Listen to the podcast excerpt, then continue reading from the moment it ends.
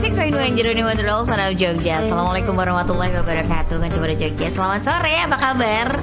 Sehat Kanca Muda Jogja? Alhamdulillah Kalau kamu sehat dan sekarang Udah duduk manis Dan seperti biasa Dengerin Jeronimo FM di hari Jumat sore Karena memang setiap Jumat sore kita memang janjian janjian sama kamu yang uh, setia dengerin Sasi Soma sejak beberapa tahun ini gitu kan coba supaya ilmunya bertambah-tambah tapi dengan cara yang santai dan enak aja gitu oke okay. terima kasih ya Kaca Jogja udah dari situ dan hari ini kita bakal uh, ngobrol lagi seperti biasa barengan sama Pak Ustadz dan uh, konon kabarnya Pak Ustadz minggu lalu punya PR janji membahas soal gaji. Ya, oke. Okay. ya. Baru kelihatan. ya, ya, ya. Assalamualaikum warahmatullahi wabarakatuh, kanca muda. Nah, kita akan bicara gaji kanca muda. Jujur kita harus tanya pada diri kita masing-masing. Cukupkah gaji Anda untuk membiayai hidup Anda? Nah, ini pertanyaan saya langsung menohok ini. Cukupkah gaji Anda saat ini membayar hidup Anda? Jawabannya. Secara logika enggak. Ya, lo ya kan? Jawabannya pasti enggak cukup. Iya pasti nggak cukup. Saya jamin 1000% pasti nggak cukup. Kalau itu untuk gaji dihubungkan dengan biaya hidup. Karena berapapun gaji kita akan mengikuti biaya hidup kita dan itu tidak pernah ketemu judulnya. Contoh, kancah muda punya gaji per bulan 10 juta pada kesempatan kali ini. Maka kebutuhan kancah muda adalah 10 juta bahkan mungkin lebih dari 10 juta. Ya kan? Habis atau anda malah utang. Begitu naik gajinya menjadi 100 juta bukan otomatis kemudian kebutuhan anda tetap 10 juta. Enggak tetap akan mengikuti 100 juta. Nah tahu enggak? Ternyata rumusnya sederhana. Kalau kita bicara gaji gaji itu adalah slip yang sudah tertulis di masing-masing kantor kita di masing-masing instansi kita atau kalau dia istri adalah yang diterima tiap bulannya dari suami itu namanya gaji. Tapi kalau rezeki itu unlimited. Gaji itu terbatas, keluarnya ada periodiknya, naiknya ada periodiknya. Itu namanya gaji, karena gaji yang ngasih manusia. Tapi kalau rezeki juga ngasih Allah. Oke. Okay. Apa bedanya Ustadz gaji dengan rezeki? Beda. Kalau gaji itu adalah yaitu konsekuensi muncul dari usaha kita. Anda nggak kerja, Anda nggak punya gaji. Tapi kalau rezeki Anda nggak kerja, Anda bisa dapat rezeki. Coro aja nggak kuliah tetap dapat rezeki dari Allah bisa makan anaknya banyak mati mati mati mas ya ono kayak gitu kan ah, kecoro nih ono terus dikusi ono terus lah bahagia malah bola balin di anak padahal ya ora tahu S1 ya ora lulus ora tahu PPL ora tahu PKL ora tahu nomor bayar mensasi ora tahu siaran bareng deh tetap tetap urip kan itu tikus. Bagaimana manusia? Sebetulnya manusia itu lebih mulia daripada hewan apa dasar hukumnya jelas. Fi ahsani takwim Allah itu menciptakan manusia dalam bentuk sesempurna sempurnanya bentuk itu ya manusia itu. Dikasih akal pikiran, dikasih perasaan, dikasih fisik yang luar biasa.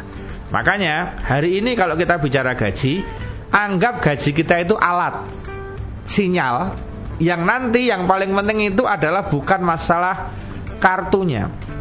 Setiap kita kan dikasih kartu macam-macam nih dalam hal jajet kan ada kartu operator A, operator B. Jadi kita tuh hanya dikasih semacam SIM cardnya. Tapi pancaran sinyal itu dari operator pusat Allah Subhanahu Wa Taala gitu loh. Mm -hmm. Jadi kita itu yang penting punya SIM cardnya. SIM cardnya itu gaji. Cara masuknya itu lewat gaji. Tapi nanti benefit-benefit yang lain itu akan dari lain, akan mhm. diberikan dari hal yang lain. Nah, oleh karena itu sekarang kalau kita mau menjadi istimewa, kita anggaplah gaji. Maka gini, habiskanlah gajimu untuk keluargamu dan orang-orang terdekatmu. Itu rumusnya. Hah? Gimana maksudnya Pak Ustaz? Ya, rumus pertama kalau gaji ini agar berkahi, habiskanlah gajimu untuk kebaikan, kebahagiaan keluargamu dan orang-orang sekitarmu itu. Jadi gaji itu rumusnya kalau begitu dia habis Allah akan ngesoi lagi yang lebih banyak. Kalau gaji itu nggak pernah habis maka jangan kaget. Maka sekarang sedang ada gerakan menghabiskan infak masjid. Itu. Begitu infak masjid habis, jamaah akan tertantang loh. Entak tahu duitnya kayak mana? Entak tahu duitnya kayak mana? Hmm. Coba infak pada kesempatan Jumat kali ini terkumpul 154 juta rupiah. Ah wis wah suka infaknya. Ya wis lah 10 ribu eh. Mang ribu eh. Itu jamaah Jumatnya akan ngasih kecil. Begitu infak kali ini tinggal 2.500 rupiah. Wah langsung dong kayak segede-gede. Nah, jadi Allah itu begitu kita ngasih dikasih oleh Allah gaji, gajinya habis. Makanya kalau kita punya gaji per bulan habis entah untuk listrik entah untuk untuk gas entah entah sekolah entah ngasih orang tua entah apa pun namanya itu itu Allah itu nanti akan memberikan lebih lagi. Hmm. maka rumahnya begitu. Berarti nggak ada nabung dong Ustaz. Hmm, itu lain persoalan. Tapi yang paling penting adalah begini loh kalau gaji Anda itu digunakan user dengan baik, user kita itu kan istri kita, suami kita, anak kita, ibu bapak kita, saudara-saudara kita itu user. Nah, ketika duit itu di di user usernya seneng gara-gara dapat duit dari kita, itu Allah pasti ganti kok. Mm-hmm. Allah pasti ganti. Lihat bapak ibu kita. Bapak ibu kita itu nggak pernah mikir. Dulu anggar duit-duit silahkan dicek kancah muda. Bapak ibu kita simbah-simbah kita begitu punya duit untuk apa mereka? Untuk anak-anaknya kan. Bahkan mereka sampai purna pensiun pun akhirnya nggak pegang duit karena apa? Habis untuk biaya anak-anaknya semua. Apa yang terjadi? Allah kasih lancar hidupnya. Anaknya bisa nikah semua, anaknya punya cucu semua, anaknya kemudian bisa membagikan orang tuanya. Bahkan orang tuanya sekarang menjadi orang tua yang sangat menikmati hidupnya. Jadi ternyata orang tua yang pelit pada anak-anaknya itu juga akan hidupnya susah di masa tuanya. Orang tua yang pelit pada bapak ibunya sendiri juga akan susah hidupnya saat ini dan masa akan datang, gitu loh. Nah jadi rahasia gaji kancing muda kalau kita mau istimewa, ayo kita ikuti aturan ini. Ya, pertama, ketika kita terima gaji berapapun nilainya, kita sudah harus mematok harga tidak lagi dua setengah persen. Itu sudah kuno sekali. Itu SK yang lama sudah nggak berlaku. Sekarang kita punya patokan 10% dari gaji kita. Kita patikan, kita matikan, kita azamkan kita dilkan sama Allah kita janji ya Allah kalau gue dapat gaji pokoknya mau punya utang banyak mau punya utang dikit mau punya kebutuhan banyak punya kebutuhan dikit 10%, 10% pokoknya saya salurkan di jalanmu ya Allah. Ceter. Ke mana disalurkan? Pertama. Serah. Nah, ya? jangan ada oh, aturannya. ada aturannya. Pertama adalah lihat bapak ibu kita dulu. Oh, oke. Okay. nah jadi bapak ibu itu orang yang pertama kali wajib kita apa namanya kita perhatikan ya. Kita perhatikan. Jadi begitu 10% itu kita kumpulkan maka pertama suan ke bapak ibu. Istilahnya itu kita bagikan mereka. Nah ternyata ada rumus yang sangat luar biasa dari Haji Wawan yang dulu pernah kita undang oh, ya. di Sasi Soma. Beliau pemilik grup yang sekarang ini sampai saya ya sampai sekarang saya tuh sampai belum update lagi usaha terbarunya apa karena banget. sekarang banyak banget ada bakso ada macam-macam. Itu ternyata rumusnya beliau ini tiap tahun menjatah bapak ibunya pengen apa? Ditanya. Oh. ibu pengen apa? Saya pengen ganti mobil wan. Ganti mobil pan mobilnya apa? Hmm. diberikan ibu pengen apa? Aku nggak pengen mobil. Aku pengen mobil sama uang. Kasih uang sama mobil. Hmm. dan yang suruh ngasih adalah istrinya. Hmm. keren kan Nah, yang sudah menikah, belajarlah untuk mempercepat pertolongan Allah turun pada Anda. Anda baiki ibunya mertua Anda itu. Jadi Anda sebagai istri baik-baiklah sama mertua putrimu itu. Hmm. Karena dari ibunya hanyalah itu nanti turun keberkahan. Maka kalau hari ini Anda nyicil menjadi orang yang su sudah banyak kelas dengan mertua, terutama Hasil. ibu itu siap-siap aja susah hidupnya. Yeah, yeah, Mohon maaf, saya tidak nyindir tapi itu tapi itu itu fakta. Pak Ustadz, saya iya. mau tanya. Oke. Okay. Kalau Pak Ustadz tadi bilang itu sedekahkan rezekimu 10% dari gaji dan yang pertama orang tua. Iya. Jadi bedanya uh, orang tua itu jatuhnya bukan kewajiban ya? Kewajiban, tetapi yang sama. Tapi kenapa kok masuk di sedekah? Bentar. Kalau kita nggak motong 10 persennya, dari mana kita akan memberikan orang tua? Jadi kita potong dulu orang tua dulu. Nanti orang tua itu nggak harus 10% semuanya. Tapi jatahnya orang tua dulu, baru misalnya uang orang tua kasih 5%, 5 persennya untuk yang lain. Hmm. Boleh. Tapi orang tua itu prioritas. Karena apa? Karena kita mungkin nggak lama ketemu mereka lagi, masya Allah, hmm. gitu loh. Kita mungkin nggak lama ketemu mereka lagi. Dan ternyata dari semua sukses yang kita miliki saat ini kita bisa punya istri yang bagus, punya suami yang istimewa, hmm. punya rumah, punya kerjaan, punya teman, punya kebaikan yang banyak ini ternyata tidak lepas dari doanya kedua orang tua, khusus ibu kita. Maka sebelum mereka sedo, kalau masih punya mereka, itu berarti Allah masih memberikan kesempatan kita untuk lebih mulia lagi, untuk lebih sukses lagi. Itu mm -hmm. harusnya. Mm -hmm. Nah, kalau udah terlanjur meninggal Ustadz, ya mau ndak mau Anda mengagendakan khusus ritual seminggu sekali, sebulan sekali untuk kirim doa yang spesial. Habis sholat doa, yes. Mhm. Habis kita tahajud doa, ha, ah. Habis doa doakan, mm -mm. Tetapi ada ritual khusus yang kemudian dinawa itu kan doa khusus misalnya ada mujahadah, ada tahlil, ada yasinan yang didedikasikan untuk mereka itu kerennya luar biasa. Maka lihat orang-orang sukses itu pasti mereka memikirkan orang tuanya yang sudah sido itu dia terus tembak terus dari sini. Apa namanya tembak saldo terus dari sini. Mhm. Kirim terus saldonya. Itu tetap akan sampai. Karena itu perintahnya Rasulullah. Rasulullah sendiri ketika jalan-jalan mendadak berhenti di kuburan mendoakan orang yang meninggal itu dan ternyata orang yang meninggal disiksa itu berhenti karena doa Rasulullah. Berarti doa pada orang yang ma sudah mati itu sampai Rasulullah mendoakan sampai kok. Padahal bukan apa-apanya Rasulullah itu. Ya umatnya Rasulullah makanya bukan nggak ada hubungan saudara. Mhm. Apalagi kita yang anak-anaknya punya hubungan dekat dengan orang tua doakan. Nah, jadi rumusnya itu gentenan. Kalau kita sekarang sedang punya duit dan orang tua sedang masih ada, kita supply ke sana karena kita belum tahu sampai kapan mereka akan bersama kita. Mhm. Begitu kita nanti uangnya royal ke sana, kita sampai kekurangan uang, nanti begitu orang tua sedo, itu Allah gantikan berlipat-lipat. Ini omongan saya nggak percaya. Mhm. Tapi kalau kita pelit, seret, seret, ya kita pelit terus sampai meninggal, akhirnya kita pun habis meninggal tetap pelit. Mhm. Nggak mau doain, nggak mau kirim doa, nggak mau acara tahlil yasinan, nggak mau ngapa-ngapain, akhirnya kehidupanmu ya bocah basi. Itu Allah balas, Mhm. gitu loh. Jadi ternyata sekarang kita nggak usah mikir tulisan gaji kita. Gaji kita itu mungkin cuma UMR, gaji kita itu mungkin cuma 2 juta, satu setengah juta. Tapi lihatlah bahwa kita bisa hidup sampai hari ini, bisa beli ini, beli itu, bisa ke mana-mana. Itu Allah yang nolong, bro. Ya, tolong dicatatin serius saya nggak main-main. Ka- Kali ini saya saya sama agak serius saya. Serius kok guyu. Eh, ya, ya. Oke, maksud saya adalah saya ada penekanan biar wah ini ustadznya rada seru seru, ya. gitu kan. Oke, oke. Saklek saklek. Ya, jadi eh, kenapa ya? Karena begini, sudah terbukti nyata. Orang tua kita itu takono orang tua kita slipnya berapa? Beberapa yang mungkin dia jualan, mohon maaf, dia jualan ratengan. Tahu ratengan yang muda? Gak tahu apa. Ratengan itu barang-barang yang matang. Jadi sayur, tempe, tahu, pokoknya lauk, pauk sama nasi, kadang bubur di pagi hari. Tahu nggak berapa batine, berapa untungnya? Itu nggak borok-borok untung. Yang penting dia bisa makan nyangkoni anak sekolah udah alhamdulillah. Kenapa? Karena banyak yang utang orang kampung itu. Hmm. Jadi dia am, jebuk saya yu, ini dites sok. Itu sering kejadian beberapa warung. Ini kalau ada kanca tua mendengarkan dodol, oh, oh ngono mesti. Oh, aku diutang hati wonge. Iya ngono lah. Oh iya. Tahu nggak? Jadi ternyata mereka kerja itu nggak seberapa. Itu hanya ikhtiar ternyata. Hmm. Itu hanya sebagai wadah saja.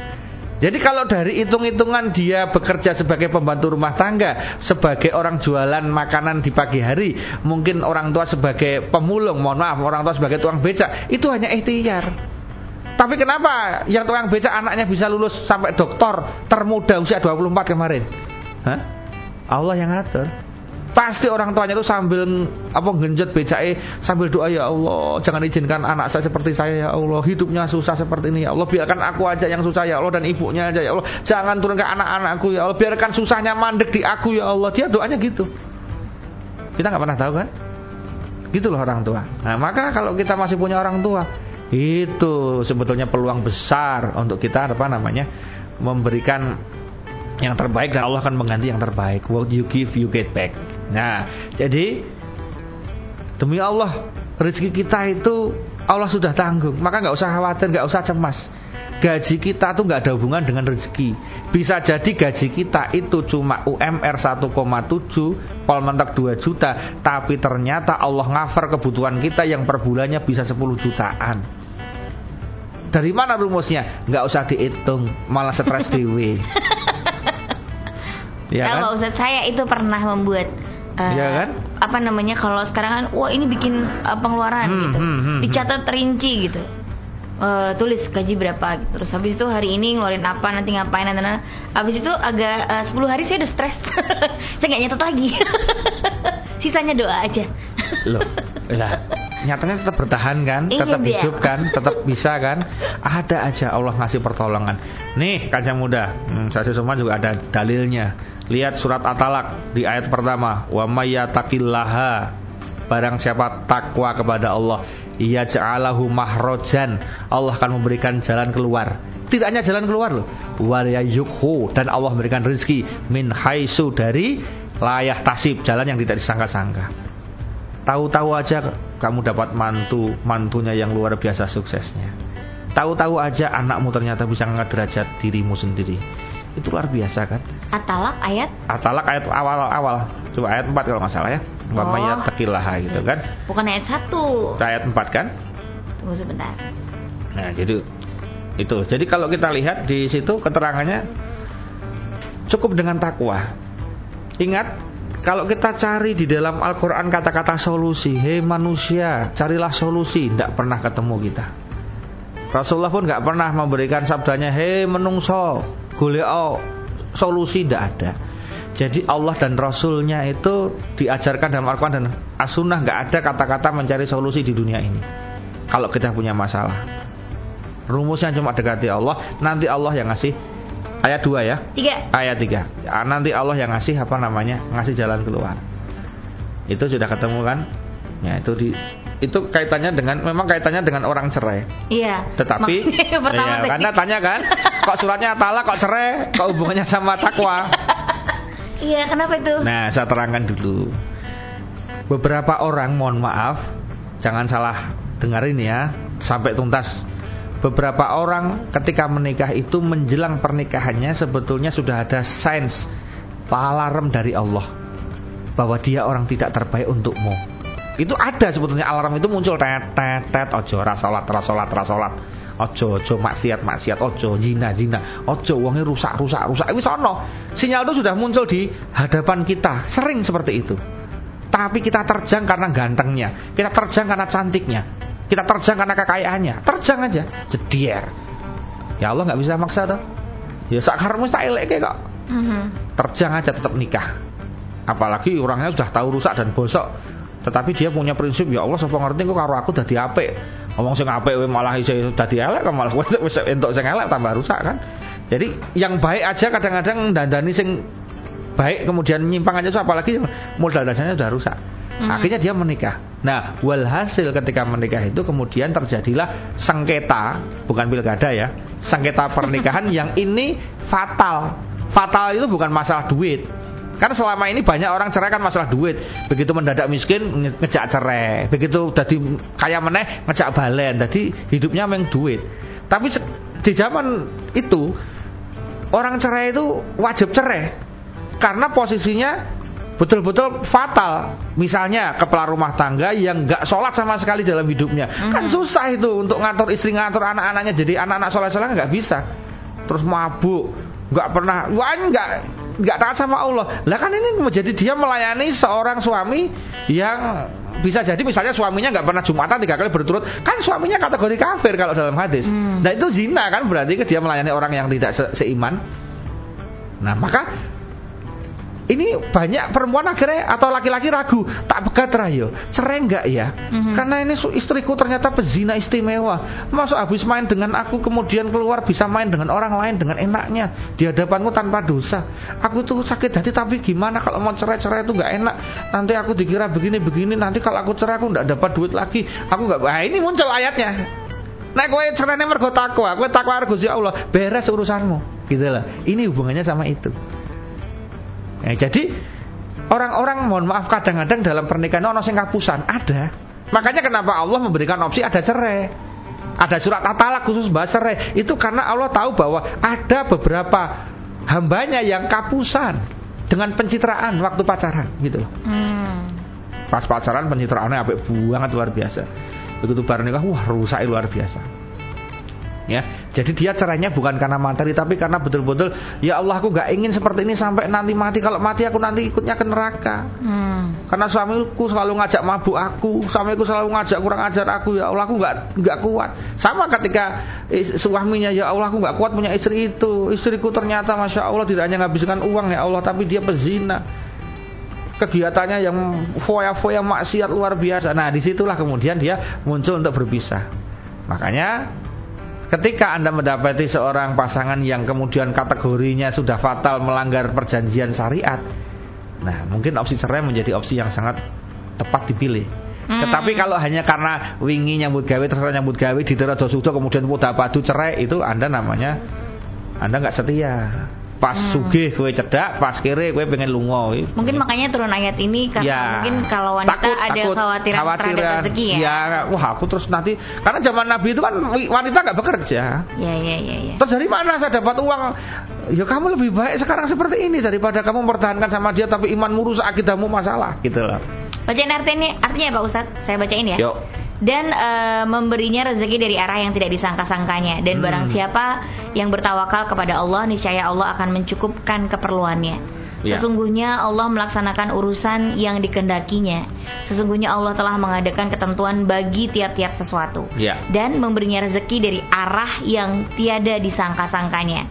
Dari arah yang belum pernah terbisik dalam kalbunya. Dan barang siapa yang bertawakal kepada Allah dan semua perkaranya, niscaya Allah akan memberi kecukupan, akan mencukupinya. Sesungguhnya Allah melaksanakan urusannya tentang apa yang dikendakinya. Menurut suatu kiroat, eh, kiroat ya, dibaca balihu amrihi yakni dengan dimudahkan. Ya. Jadi ada dua kata yang istimewa, salah satunya adalah urusan, ya. Ya, Yang satunya adalah keperluan. Bedanya apa? Ya, jadi gini, manusia itu kan nggak pernah lepas dari masalah dan keperluan kan. Nah, ternyata janjinya sama Allah berjanji kalau dia takwa, Allah kasih keperluannya, Allah ramungi urusannya. Nah, jadi kalau udah Allah itu turun tangan terhadap urusan kita, kita nggak mikir. Orang tua kita itu loh contoh yang sangat luar biasa. Dia nggak pernah mikir masa depan anak-anaknya. Dia nggak pernah mikirkan dia sendiri. Dia hanya takwa dan takwa aja. Lihat orang tua dulu gaya hidupnya. Pokoknya dia pagi hari dia udah tahajud, kemudian di masjid sholat. Kalau udah urusan akhiratnya selesai, dia kemudian ke sawah kan, macul, bertani, kemudian dia angon wedus, angon bebek dan angon-angon yang lain. Intinya dia bekerja sesuai dengan yang dia miliki dan tidak ngongso. Sain tuh kan. Akhirnya anaknya tetap bisa sekolah dia bahkan mereka mengantarkan anaknya sekolah dan sebagainya. Akhirnya apa? Tanpa disadari kerjaannya itu nggak seberapa dibanding dengan biaya untuk anak-anaknya akhirnya bisa beli susu, akhirnya bisa sekolah tinggi, akhirnya anaknya juga bisa menikah, akhir-akhirnya akhirnya luar biasa kan. Jadi ternyata 90% kekhawatiran kita itu tidak pernah terwujud. Sudah diteliti dengan resmi itu. Berarti kalau kita menjadi orang yang terlalu cemas dengan masa depan, khawatir dengan kehidupan anak-anak di masa mendatang itu bagian dari ketidakimanan kepada Allah Subhanahu wa taala kita harusnya tidak usah terlalu ngoyo mikirkan besok bagaimana anak kita. Kita pikirkan sekarang aja. Gimana anak-anak kita sholatnya, gimana anak-anak kita ngajinya, gimana diri kita sholatnya dan ngajinya. Itu aja dulu. Nanti kalau masalah itu Allah yang ngurus. Jadi ingat Allah yang tahu randon hidup kita itu Allah bukan kita. Randonya kapan menikahi, kapan matine, rezeki biro. Allah yang ngatur randonnya udah ada panitianya kita nggak usah jadi panitia capek. Nggak usah jadi panitia. Kita mikirkan besok mau makan apa aja. Kadang-kadang beberapa orang masih susah kan. Jadi Allah itu sudah maha skenario luar biasa sutradaranya itu Allah. Jangan ini nggak tanggung tanggung ini Allah. Makanya kalau orang yang yakin kepada Allah, dia nggak memperkarakan gaji berapa. Karena kalau kita kerja sudah patokannya gaji, catat omongan saya, Anda pindah ke mana pun nggak akan tenang hidupnya. Anda di instansi A, gaji Anda 5 juta per bulan. Anda ditawari, mau nggak pindah ke sana? Kamu akan naik levelnya jadi dir atau kabit atau ka apa namanya, kepala apalah kamu di sana nanti 10 juta. Begitu Anda 10 juta, baru kerja sebentar ditawari sana. Kamu di sana pindah sana. Di sana butuh ini, kamu dengan pengalaman di perusahaan ini akan saya kasih 20 juta. Pindah. Terus akhirnya dia pindah-pindah terus dan tahu nggak? Hasilnya sama dengan temannya yang dulu kerja di tempat yang sama, nggak naik-naik gajinya, hasilnya nanti sama kok. Ketemunya bareng. Podo nikahi anake, podo yo iso gajine, podo umure podo. Akhirnya mereka janjinya dalam hati lu. Kok kok podo aku padahal aku wis pindah-pindah gajiku tambah gede-gede. Nek kok kayak podo aku terus. Ternyata beda rumus. ya kan? Rumus hidup dong. Rumus hidupnya beda. Iya, iya, iya. Jadi ngapain capek? Jadi anda kerja di mana pun nggak pernah bisa tentrem kalau ukurannya gaji. Karena apa? Karena begitu kamu kerja begini, dapat tawaran lebih tinggi, kamu akan menculat lagi, menculat lagi, menculat lagi gitu kan? Itu kan terjadi begitu. Tapi bukannya orang zaman sekarang pikirannya gitu ya Pak Ustadz? Nah itu normal. Apalagi tetapi kalau kita ya, kerja di Jakarta, ya itu no- itu gitu. normal. Tetapi yang bikin tidak normal kenaikan gajinya tidak ada hubungan dengan agama. Itu menjadi dia nggak normal. Kalau yang ada hubungannya dengan agama bagaimana? Nah, begini. Gimana itu cara berpikir? Cara berpikir begini. Ketika Anda punya gaji 5 juta dan ada yang 10 juta, ya Allah, kalau nanti saya naik 10 juta, saya sodakohnya saya naikin. Santunan ke anak yatim saya naikin. Pengajian rutin di rumah saya adakan rutin dengan yang lebih bagus lagi kualitasnya. Betul, begitu naik 10 juta, dialokasikan dana untuk agama itu lebih tinggi. Nah, itu namanya gajinya tidak akan buat dia tidak tentrem, dia akan tentrem. Bahkan setelah itu malah Allah kasih rezeki yang lebih gede lagi. Semakin gede semakin na naik. Nah itu. Nah kalau yang terjadi semakin gede semakin tambah barang yang naik, pencitraannya naik, keduniaannya naik, itulah ciri namanya gajinya nggak barokah. Beberapa koruptor yang tertangkap oleh KPK setelah disurvei ternyata asetnya itu luar biasa dan nilai yang dikorupsi itu nggak seberapa dengan yang dia punya. Gitu. Ada orang itu ketertangkap, dia menghabiskan dana 50 miliar. Ternyata ketika dicek di semua aset dan rekeningnya itu punya uang berapa? 176 miliar. Hmm. Jadi dia sudah punya 176 masih kurang. Yang 50 ini dia ambil. Hmm. Bayangkan kan? Kan dia punya punya tinggi. Dan kalau orang itu serius terhadap hidup ini sesuai anjuran agama, seberapa sih besarnya makan? Seberapa sih besarnya kita jalan-jalan? Sebetulnya cukup cukup kok semuanya. Mm -hmm. Dan tahu nggak kenapa di dunia ini tidak semua orang bisa keluar negeri? Kenapa nggak semua orang di dunia ini bisa keliling-keliling dunia senang-senang? Kenapa? Karena Allah tahan orang-orang yang miskin hidupnya saat ini nggak bisa ke mana-mana. Biasanya di surga itu lebih indah daripada dunia mana pun. Amin. Jadi Allah memang setting ada orang yang nggak bisa ke mana-mana, mungkin biar ngerti memang bantul terus rata lungo-lungo. ya tahu mas Dai. Makwo. Makwo terus. Jadi diceritani tentang Eropa, Amerika, ya memang iso ngono tok. Ngono tok. Jadi ya, iya kan gitu. Iya gitu kan. Enggak ada masalah. Dengerin Mas. Iya kan? Malah kenal. Saya ngomong yang nggak pernah ya, iya, yang, yang pernah itu kan. Nah, ini pernah. Nah, kalau yang pernah itu kan berarti kan dia sebetulnya sekarang alhamdulillah Eurobil alamin banyak wisata-wisata menarik di kota Jogja dan daerah Yogyakarta spotnya indah-indah nggak perlu ke luar negeri sudah sama Anda lihat film coba kemarin syutingnya itu yang Angeles Valen Ijo-ijone kan padane Gunung Kidul kae. Angel has fallen. Heeh. Pak ayo. Ayo kowe. Kan ijo-ijone padane Gunung Kidul. Sama kan? Coba iya. kalau Anda lihat film luar negeri ketika ada syuting drone-nya tentang iya. tentang apa? Alam. Deloken. Kuwi memang pada Gunung Kidul, Bantul, Kulon Progo padha. Maka sebetulnya itu rumput tetangga lebih jauh itu ngapusi. Hati-hati itu sintetis. Iya, ya, iya. Itu. Film apa Pak Ustad? Angel. Ayo, ayo serasa anu aku mau duduk wong Inggris ya. Wes ngono kuwi Pak Men. Iya iya iya. Ya lah, gitu. ya, gue. Pak Ustad tadi baru pertama loh. Oke. Okay. Jadi 10% rezeki itu dikemanain aja baru satu. Ya. Nah, sisanya karena ada lima eh Tadi yang ada lima kalau nggak salah ya Pak Ustadz? Enggak, dua. Oh, oh, baru satu loh? Iya, yang satu nanti habis ini. Oh iya. Aduh, galak ya. Jadi Ciburu Jogi jangan ke mana-mana Tetap dengerin Sasi Soma dong ya Karena memang masih banyak nih Keceburu Jogja yang bakal kita bagiin ke kamu. Kira-kira bagaimana ya uh, Kita harus uh, Apa namanya uh, Menyisihkan uang kita Keceburu Jogja uh, Supaya kita punya tiket ke surga. Eh Mesti judul lagunya sama. Emang sih sengaja. Oke jangan ke mana-mana Keceburu Jogja ada Jerok Tiket ke surga Ono Six Fine Wine Jiran Wadral Son of Jogja. Masih di sesi sama sana sini soal agama nih Kaca Boda Jogja. Dan uh, by the way um, Buat kamu Kaca Boda Jogja udah siap uh, padetin Stadion Mandala Krida? Ayo sana Kaca Boda Jogja buat ngeliat seri ketiga trial game Aspal 2019 Kamu bisa ngajakin kakak, adik, saudara, temen Atau siapa aja atau pacar buat seru-seruan Nonton trial game Aspal Yogyakarta. Dan kali ini di putaran ketiga ini Udah bisa dipastikan bakal ada Doni Tata Pradita Pembalap internasional asli Jogja Tommy Salim dan rider nasional keren lainnya. Itu tanggal 20 uh, Sekarang tanggal berapa? Hari ini.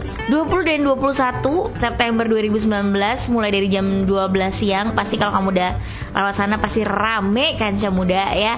Dan jangan lupa kamu bisa update info dan nonton live streamingnya Trial Game Aspal di www uh, 76rider.com slash live kanca muda. Acaranya gratis. Jadi kamu bisa datang sekarang kapan aja datang uh, atau besok juga boleh dan trial game nyali aja gak cukup. Balik lagi ke Cibra Jogja kita ngomongin soal gaji. Nah kadang-kadang tuh ya kita emang uh, suka terpatok sama aduh aduh emang gajinya cukup ya? Aduh ini gimana dong? Gaji bulan ini cuma segini nih gitu. Nah apa namanya ternyata ada rumus yang berbeda kacamata Jogja. Kalau dilihat gaji kita ya nggak bakal cukup bisa jadi gitu.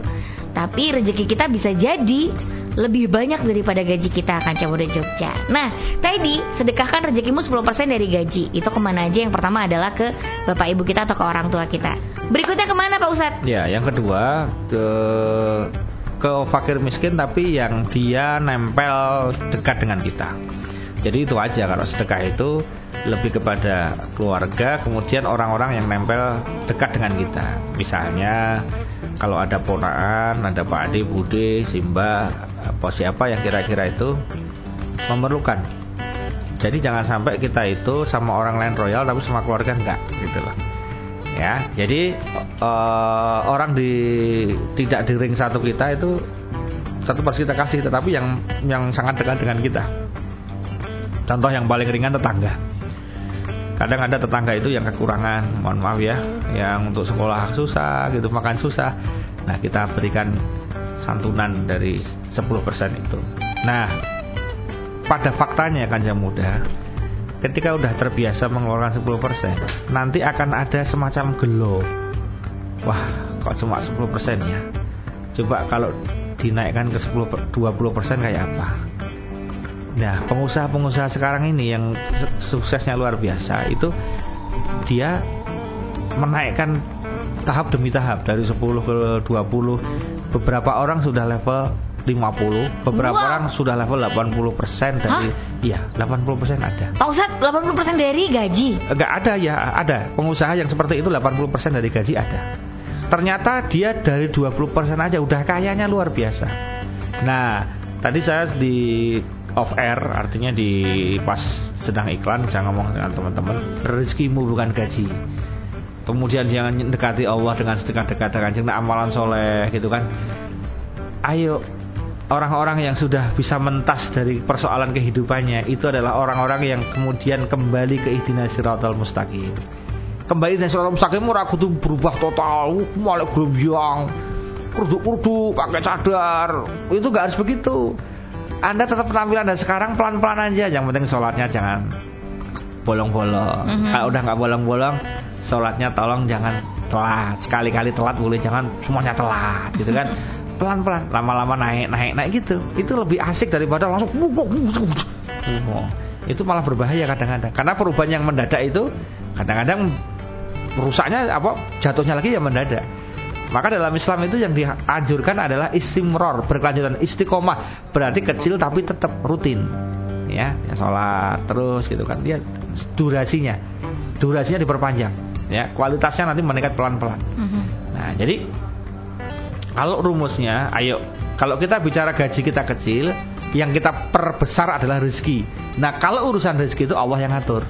Rizki itu bisa berupa usia, berupa pasangan, berupa anak, berupa kesempatan, berupa pekerjaan, berupa mudahnya persoalan yang kita hadapi selesai. Itu rezeki.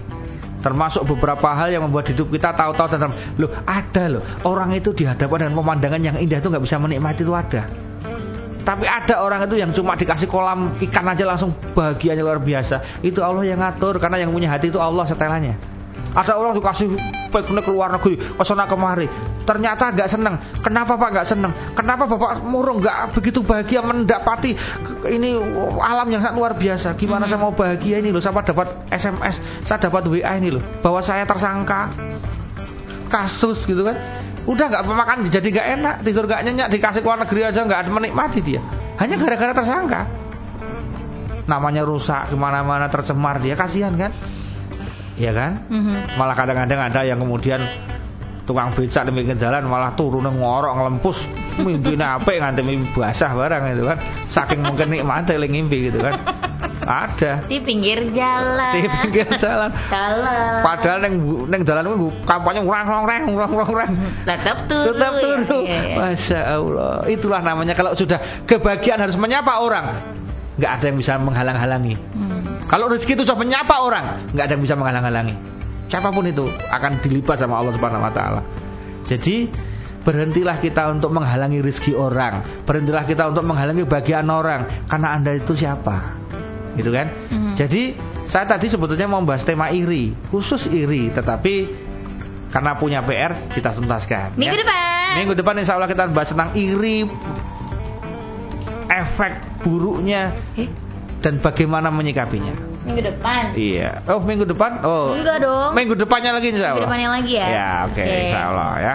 Jadi kenapa kaca muda? Karena begini kalau kalau kita nggak bisa menempatkan diri kita dengan baik, yang terjadi adalah seberapapun yang kita miliki nggak bisa kita menikmatinya. Nah ada ru- rumusnya, ada rahasianya, dan ternyata hampir semua ketidakbahagiaan hidup itu bermula dari satu sumber, yaitu iri.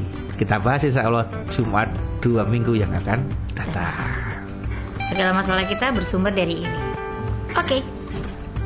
Minggu depan dua minggu lagi dengerin ya Kaca Budak karena minggu depan kita punya sa- bakalan insya Allah akan di satu tempat yang spesial karena kita kasih tahu lagi Kaca Budak Jogja tapi kalau besok kita nggak jadi ke tempat spesial itu kita akan bahas minggu depan so begitu Alhamdulillah hari ini Kaca Budak Jogja buat kamu yang udah mulai merenungi eh, gajimu udah selalu ngeluh eh, gajinya berapa hari udah habis dan sekarang udah mendekati hari eh, akhir bulan kaca muda.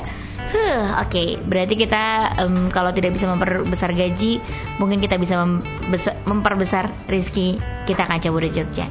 Gimana caranya? Sedekahkan rezekimu 10%. Terus ya pasrah sama kehidupan ini dan ingat eh, memati kaca muda. Apa pun yang kita lakukan itu fokusnya sama mati. Jadi semuanya tentang hal yang terbaik yang kita berikan ke Allah. Begitu. Alhamdulillah, terima kasih Pak Ustadz. Oke. Minggu depan kita bakal ketemu lagi di Sari Insya. Soma jam 4 sore sampai dengan jam 5 sore Kaca Muda dan kalau kamu mau ketemu sama kita eh, sore-sore gitu ngaji juga di Selasa ada Sari Soma di Masjid di sana Kaca Muda Malioboro. di Malioboro. Kita bakal ngaji juga di situ ya. Rame-rame ke sana kamu bisa dengerin, bisa tanya juga. Tiap gitu. Selasa sore jam 4 sampai dengan menjelang maghrib Ya. 6 insya Allah di Masjid Siti Jirjanah ya di Masjid Jalan Malioboro depannya Pasar Bring Harjo. Ya, di situ Kaca Muda. Oke, kita ketemu di sana ya. Saya tunggu Kaca Muda Jogja. Oke, Ella pamitan. Ketemu lagi eh, minggu depan. Assalamualaikum warahmatullahi wabarakatuh.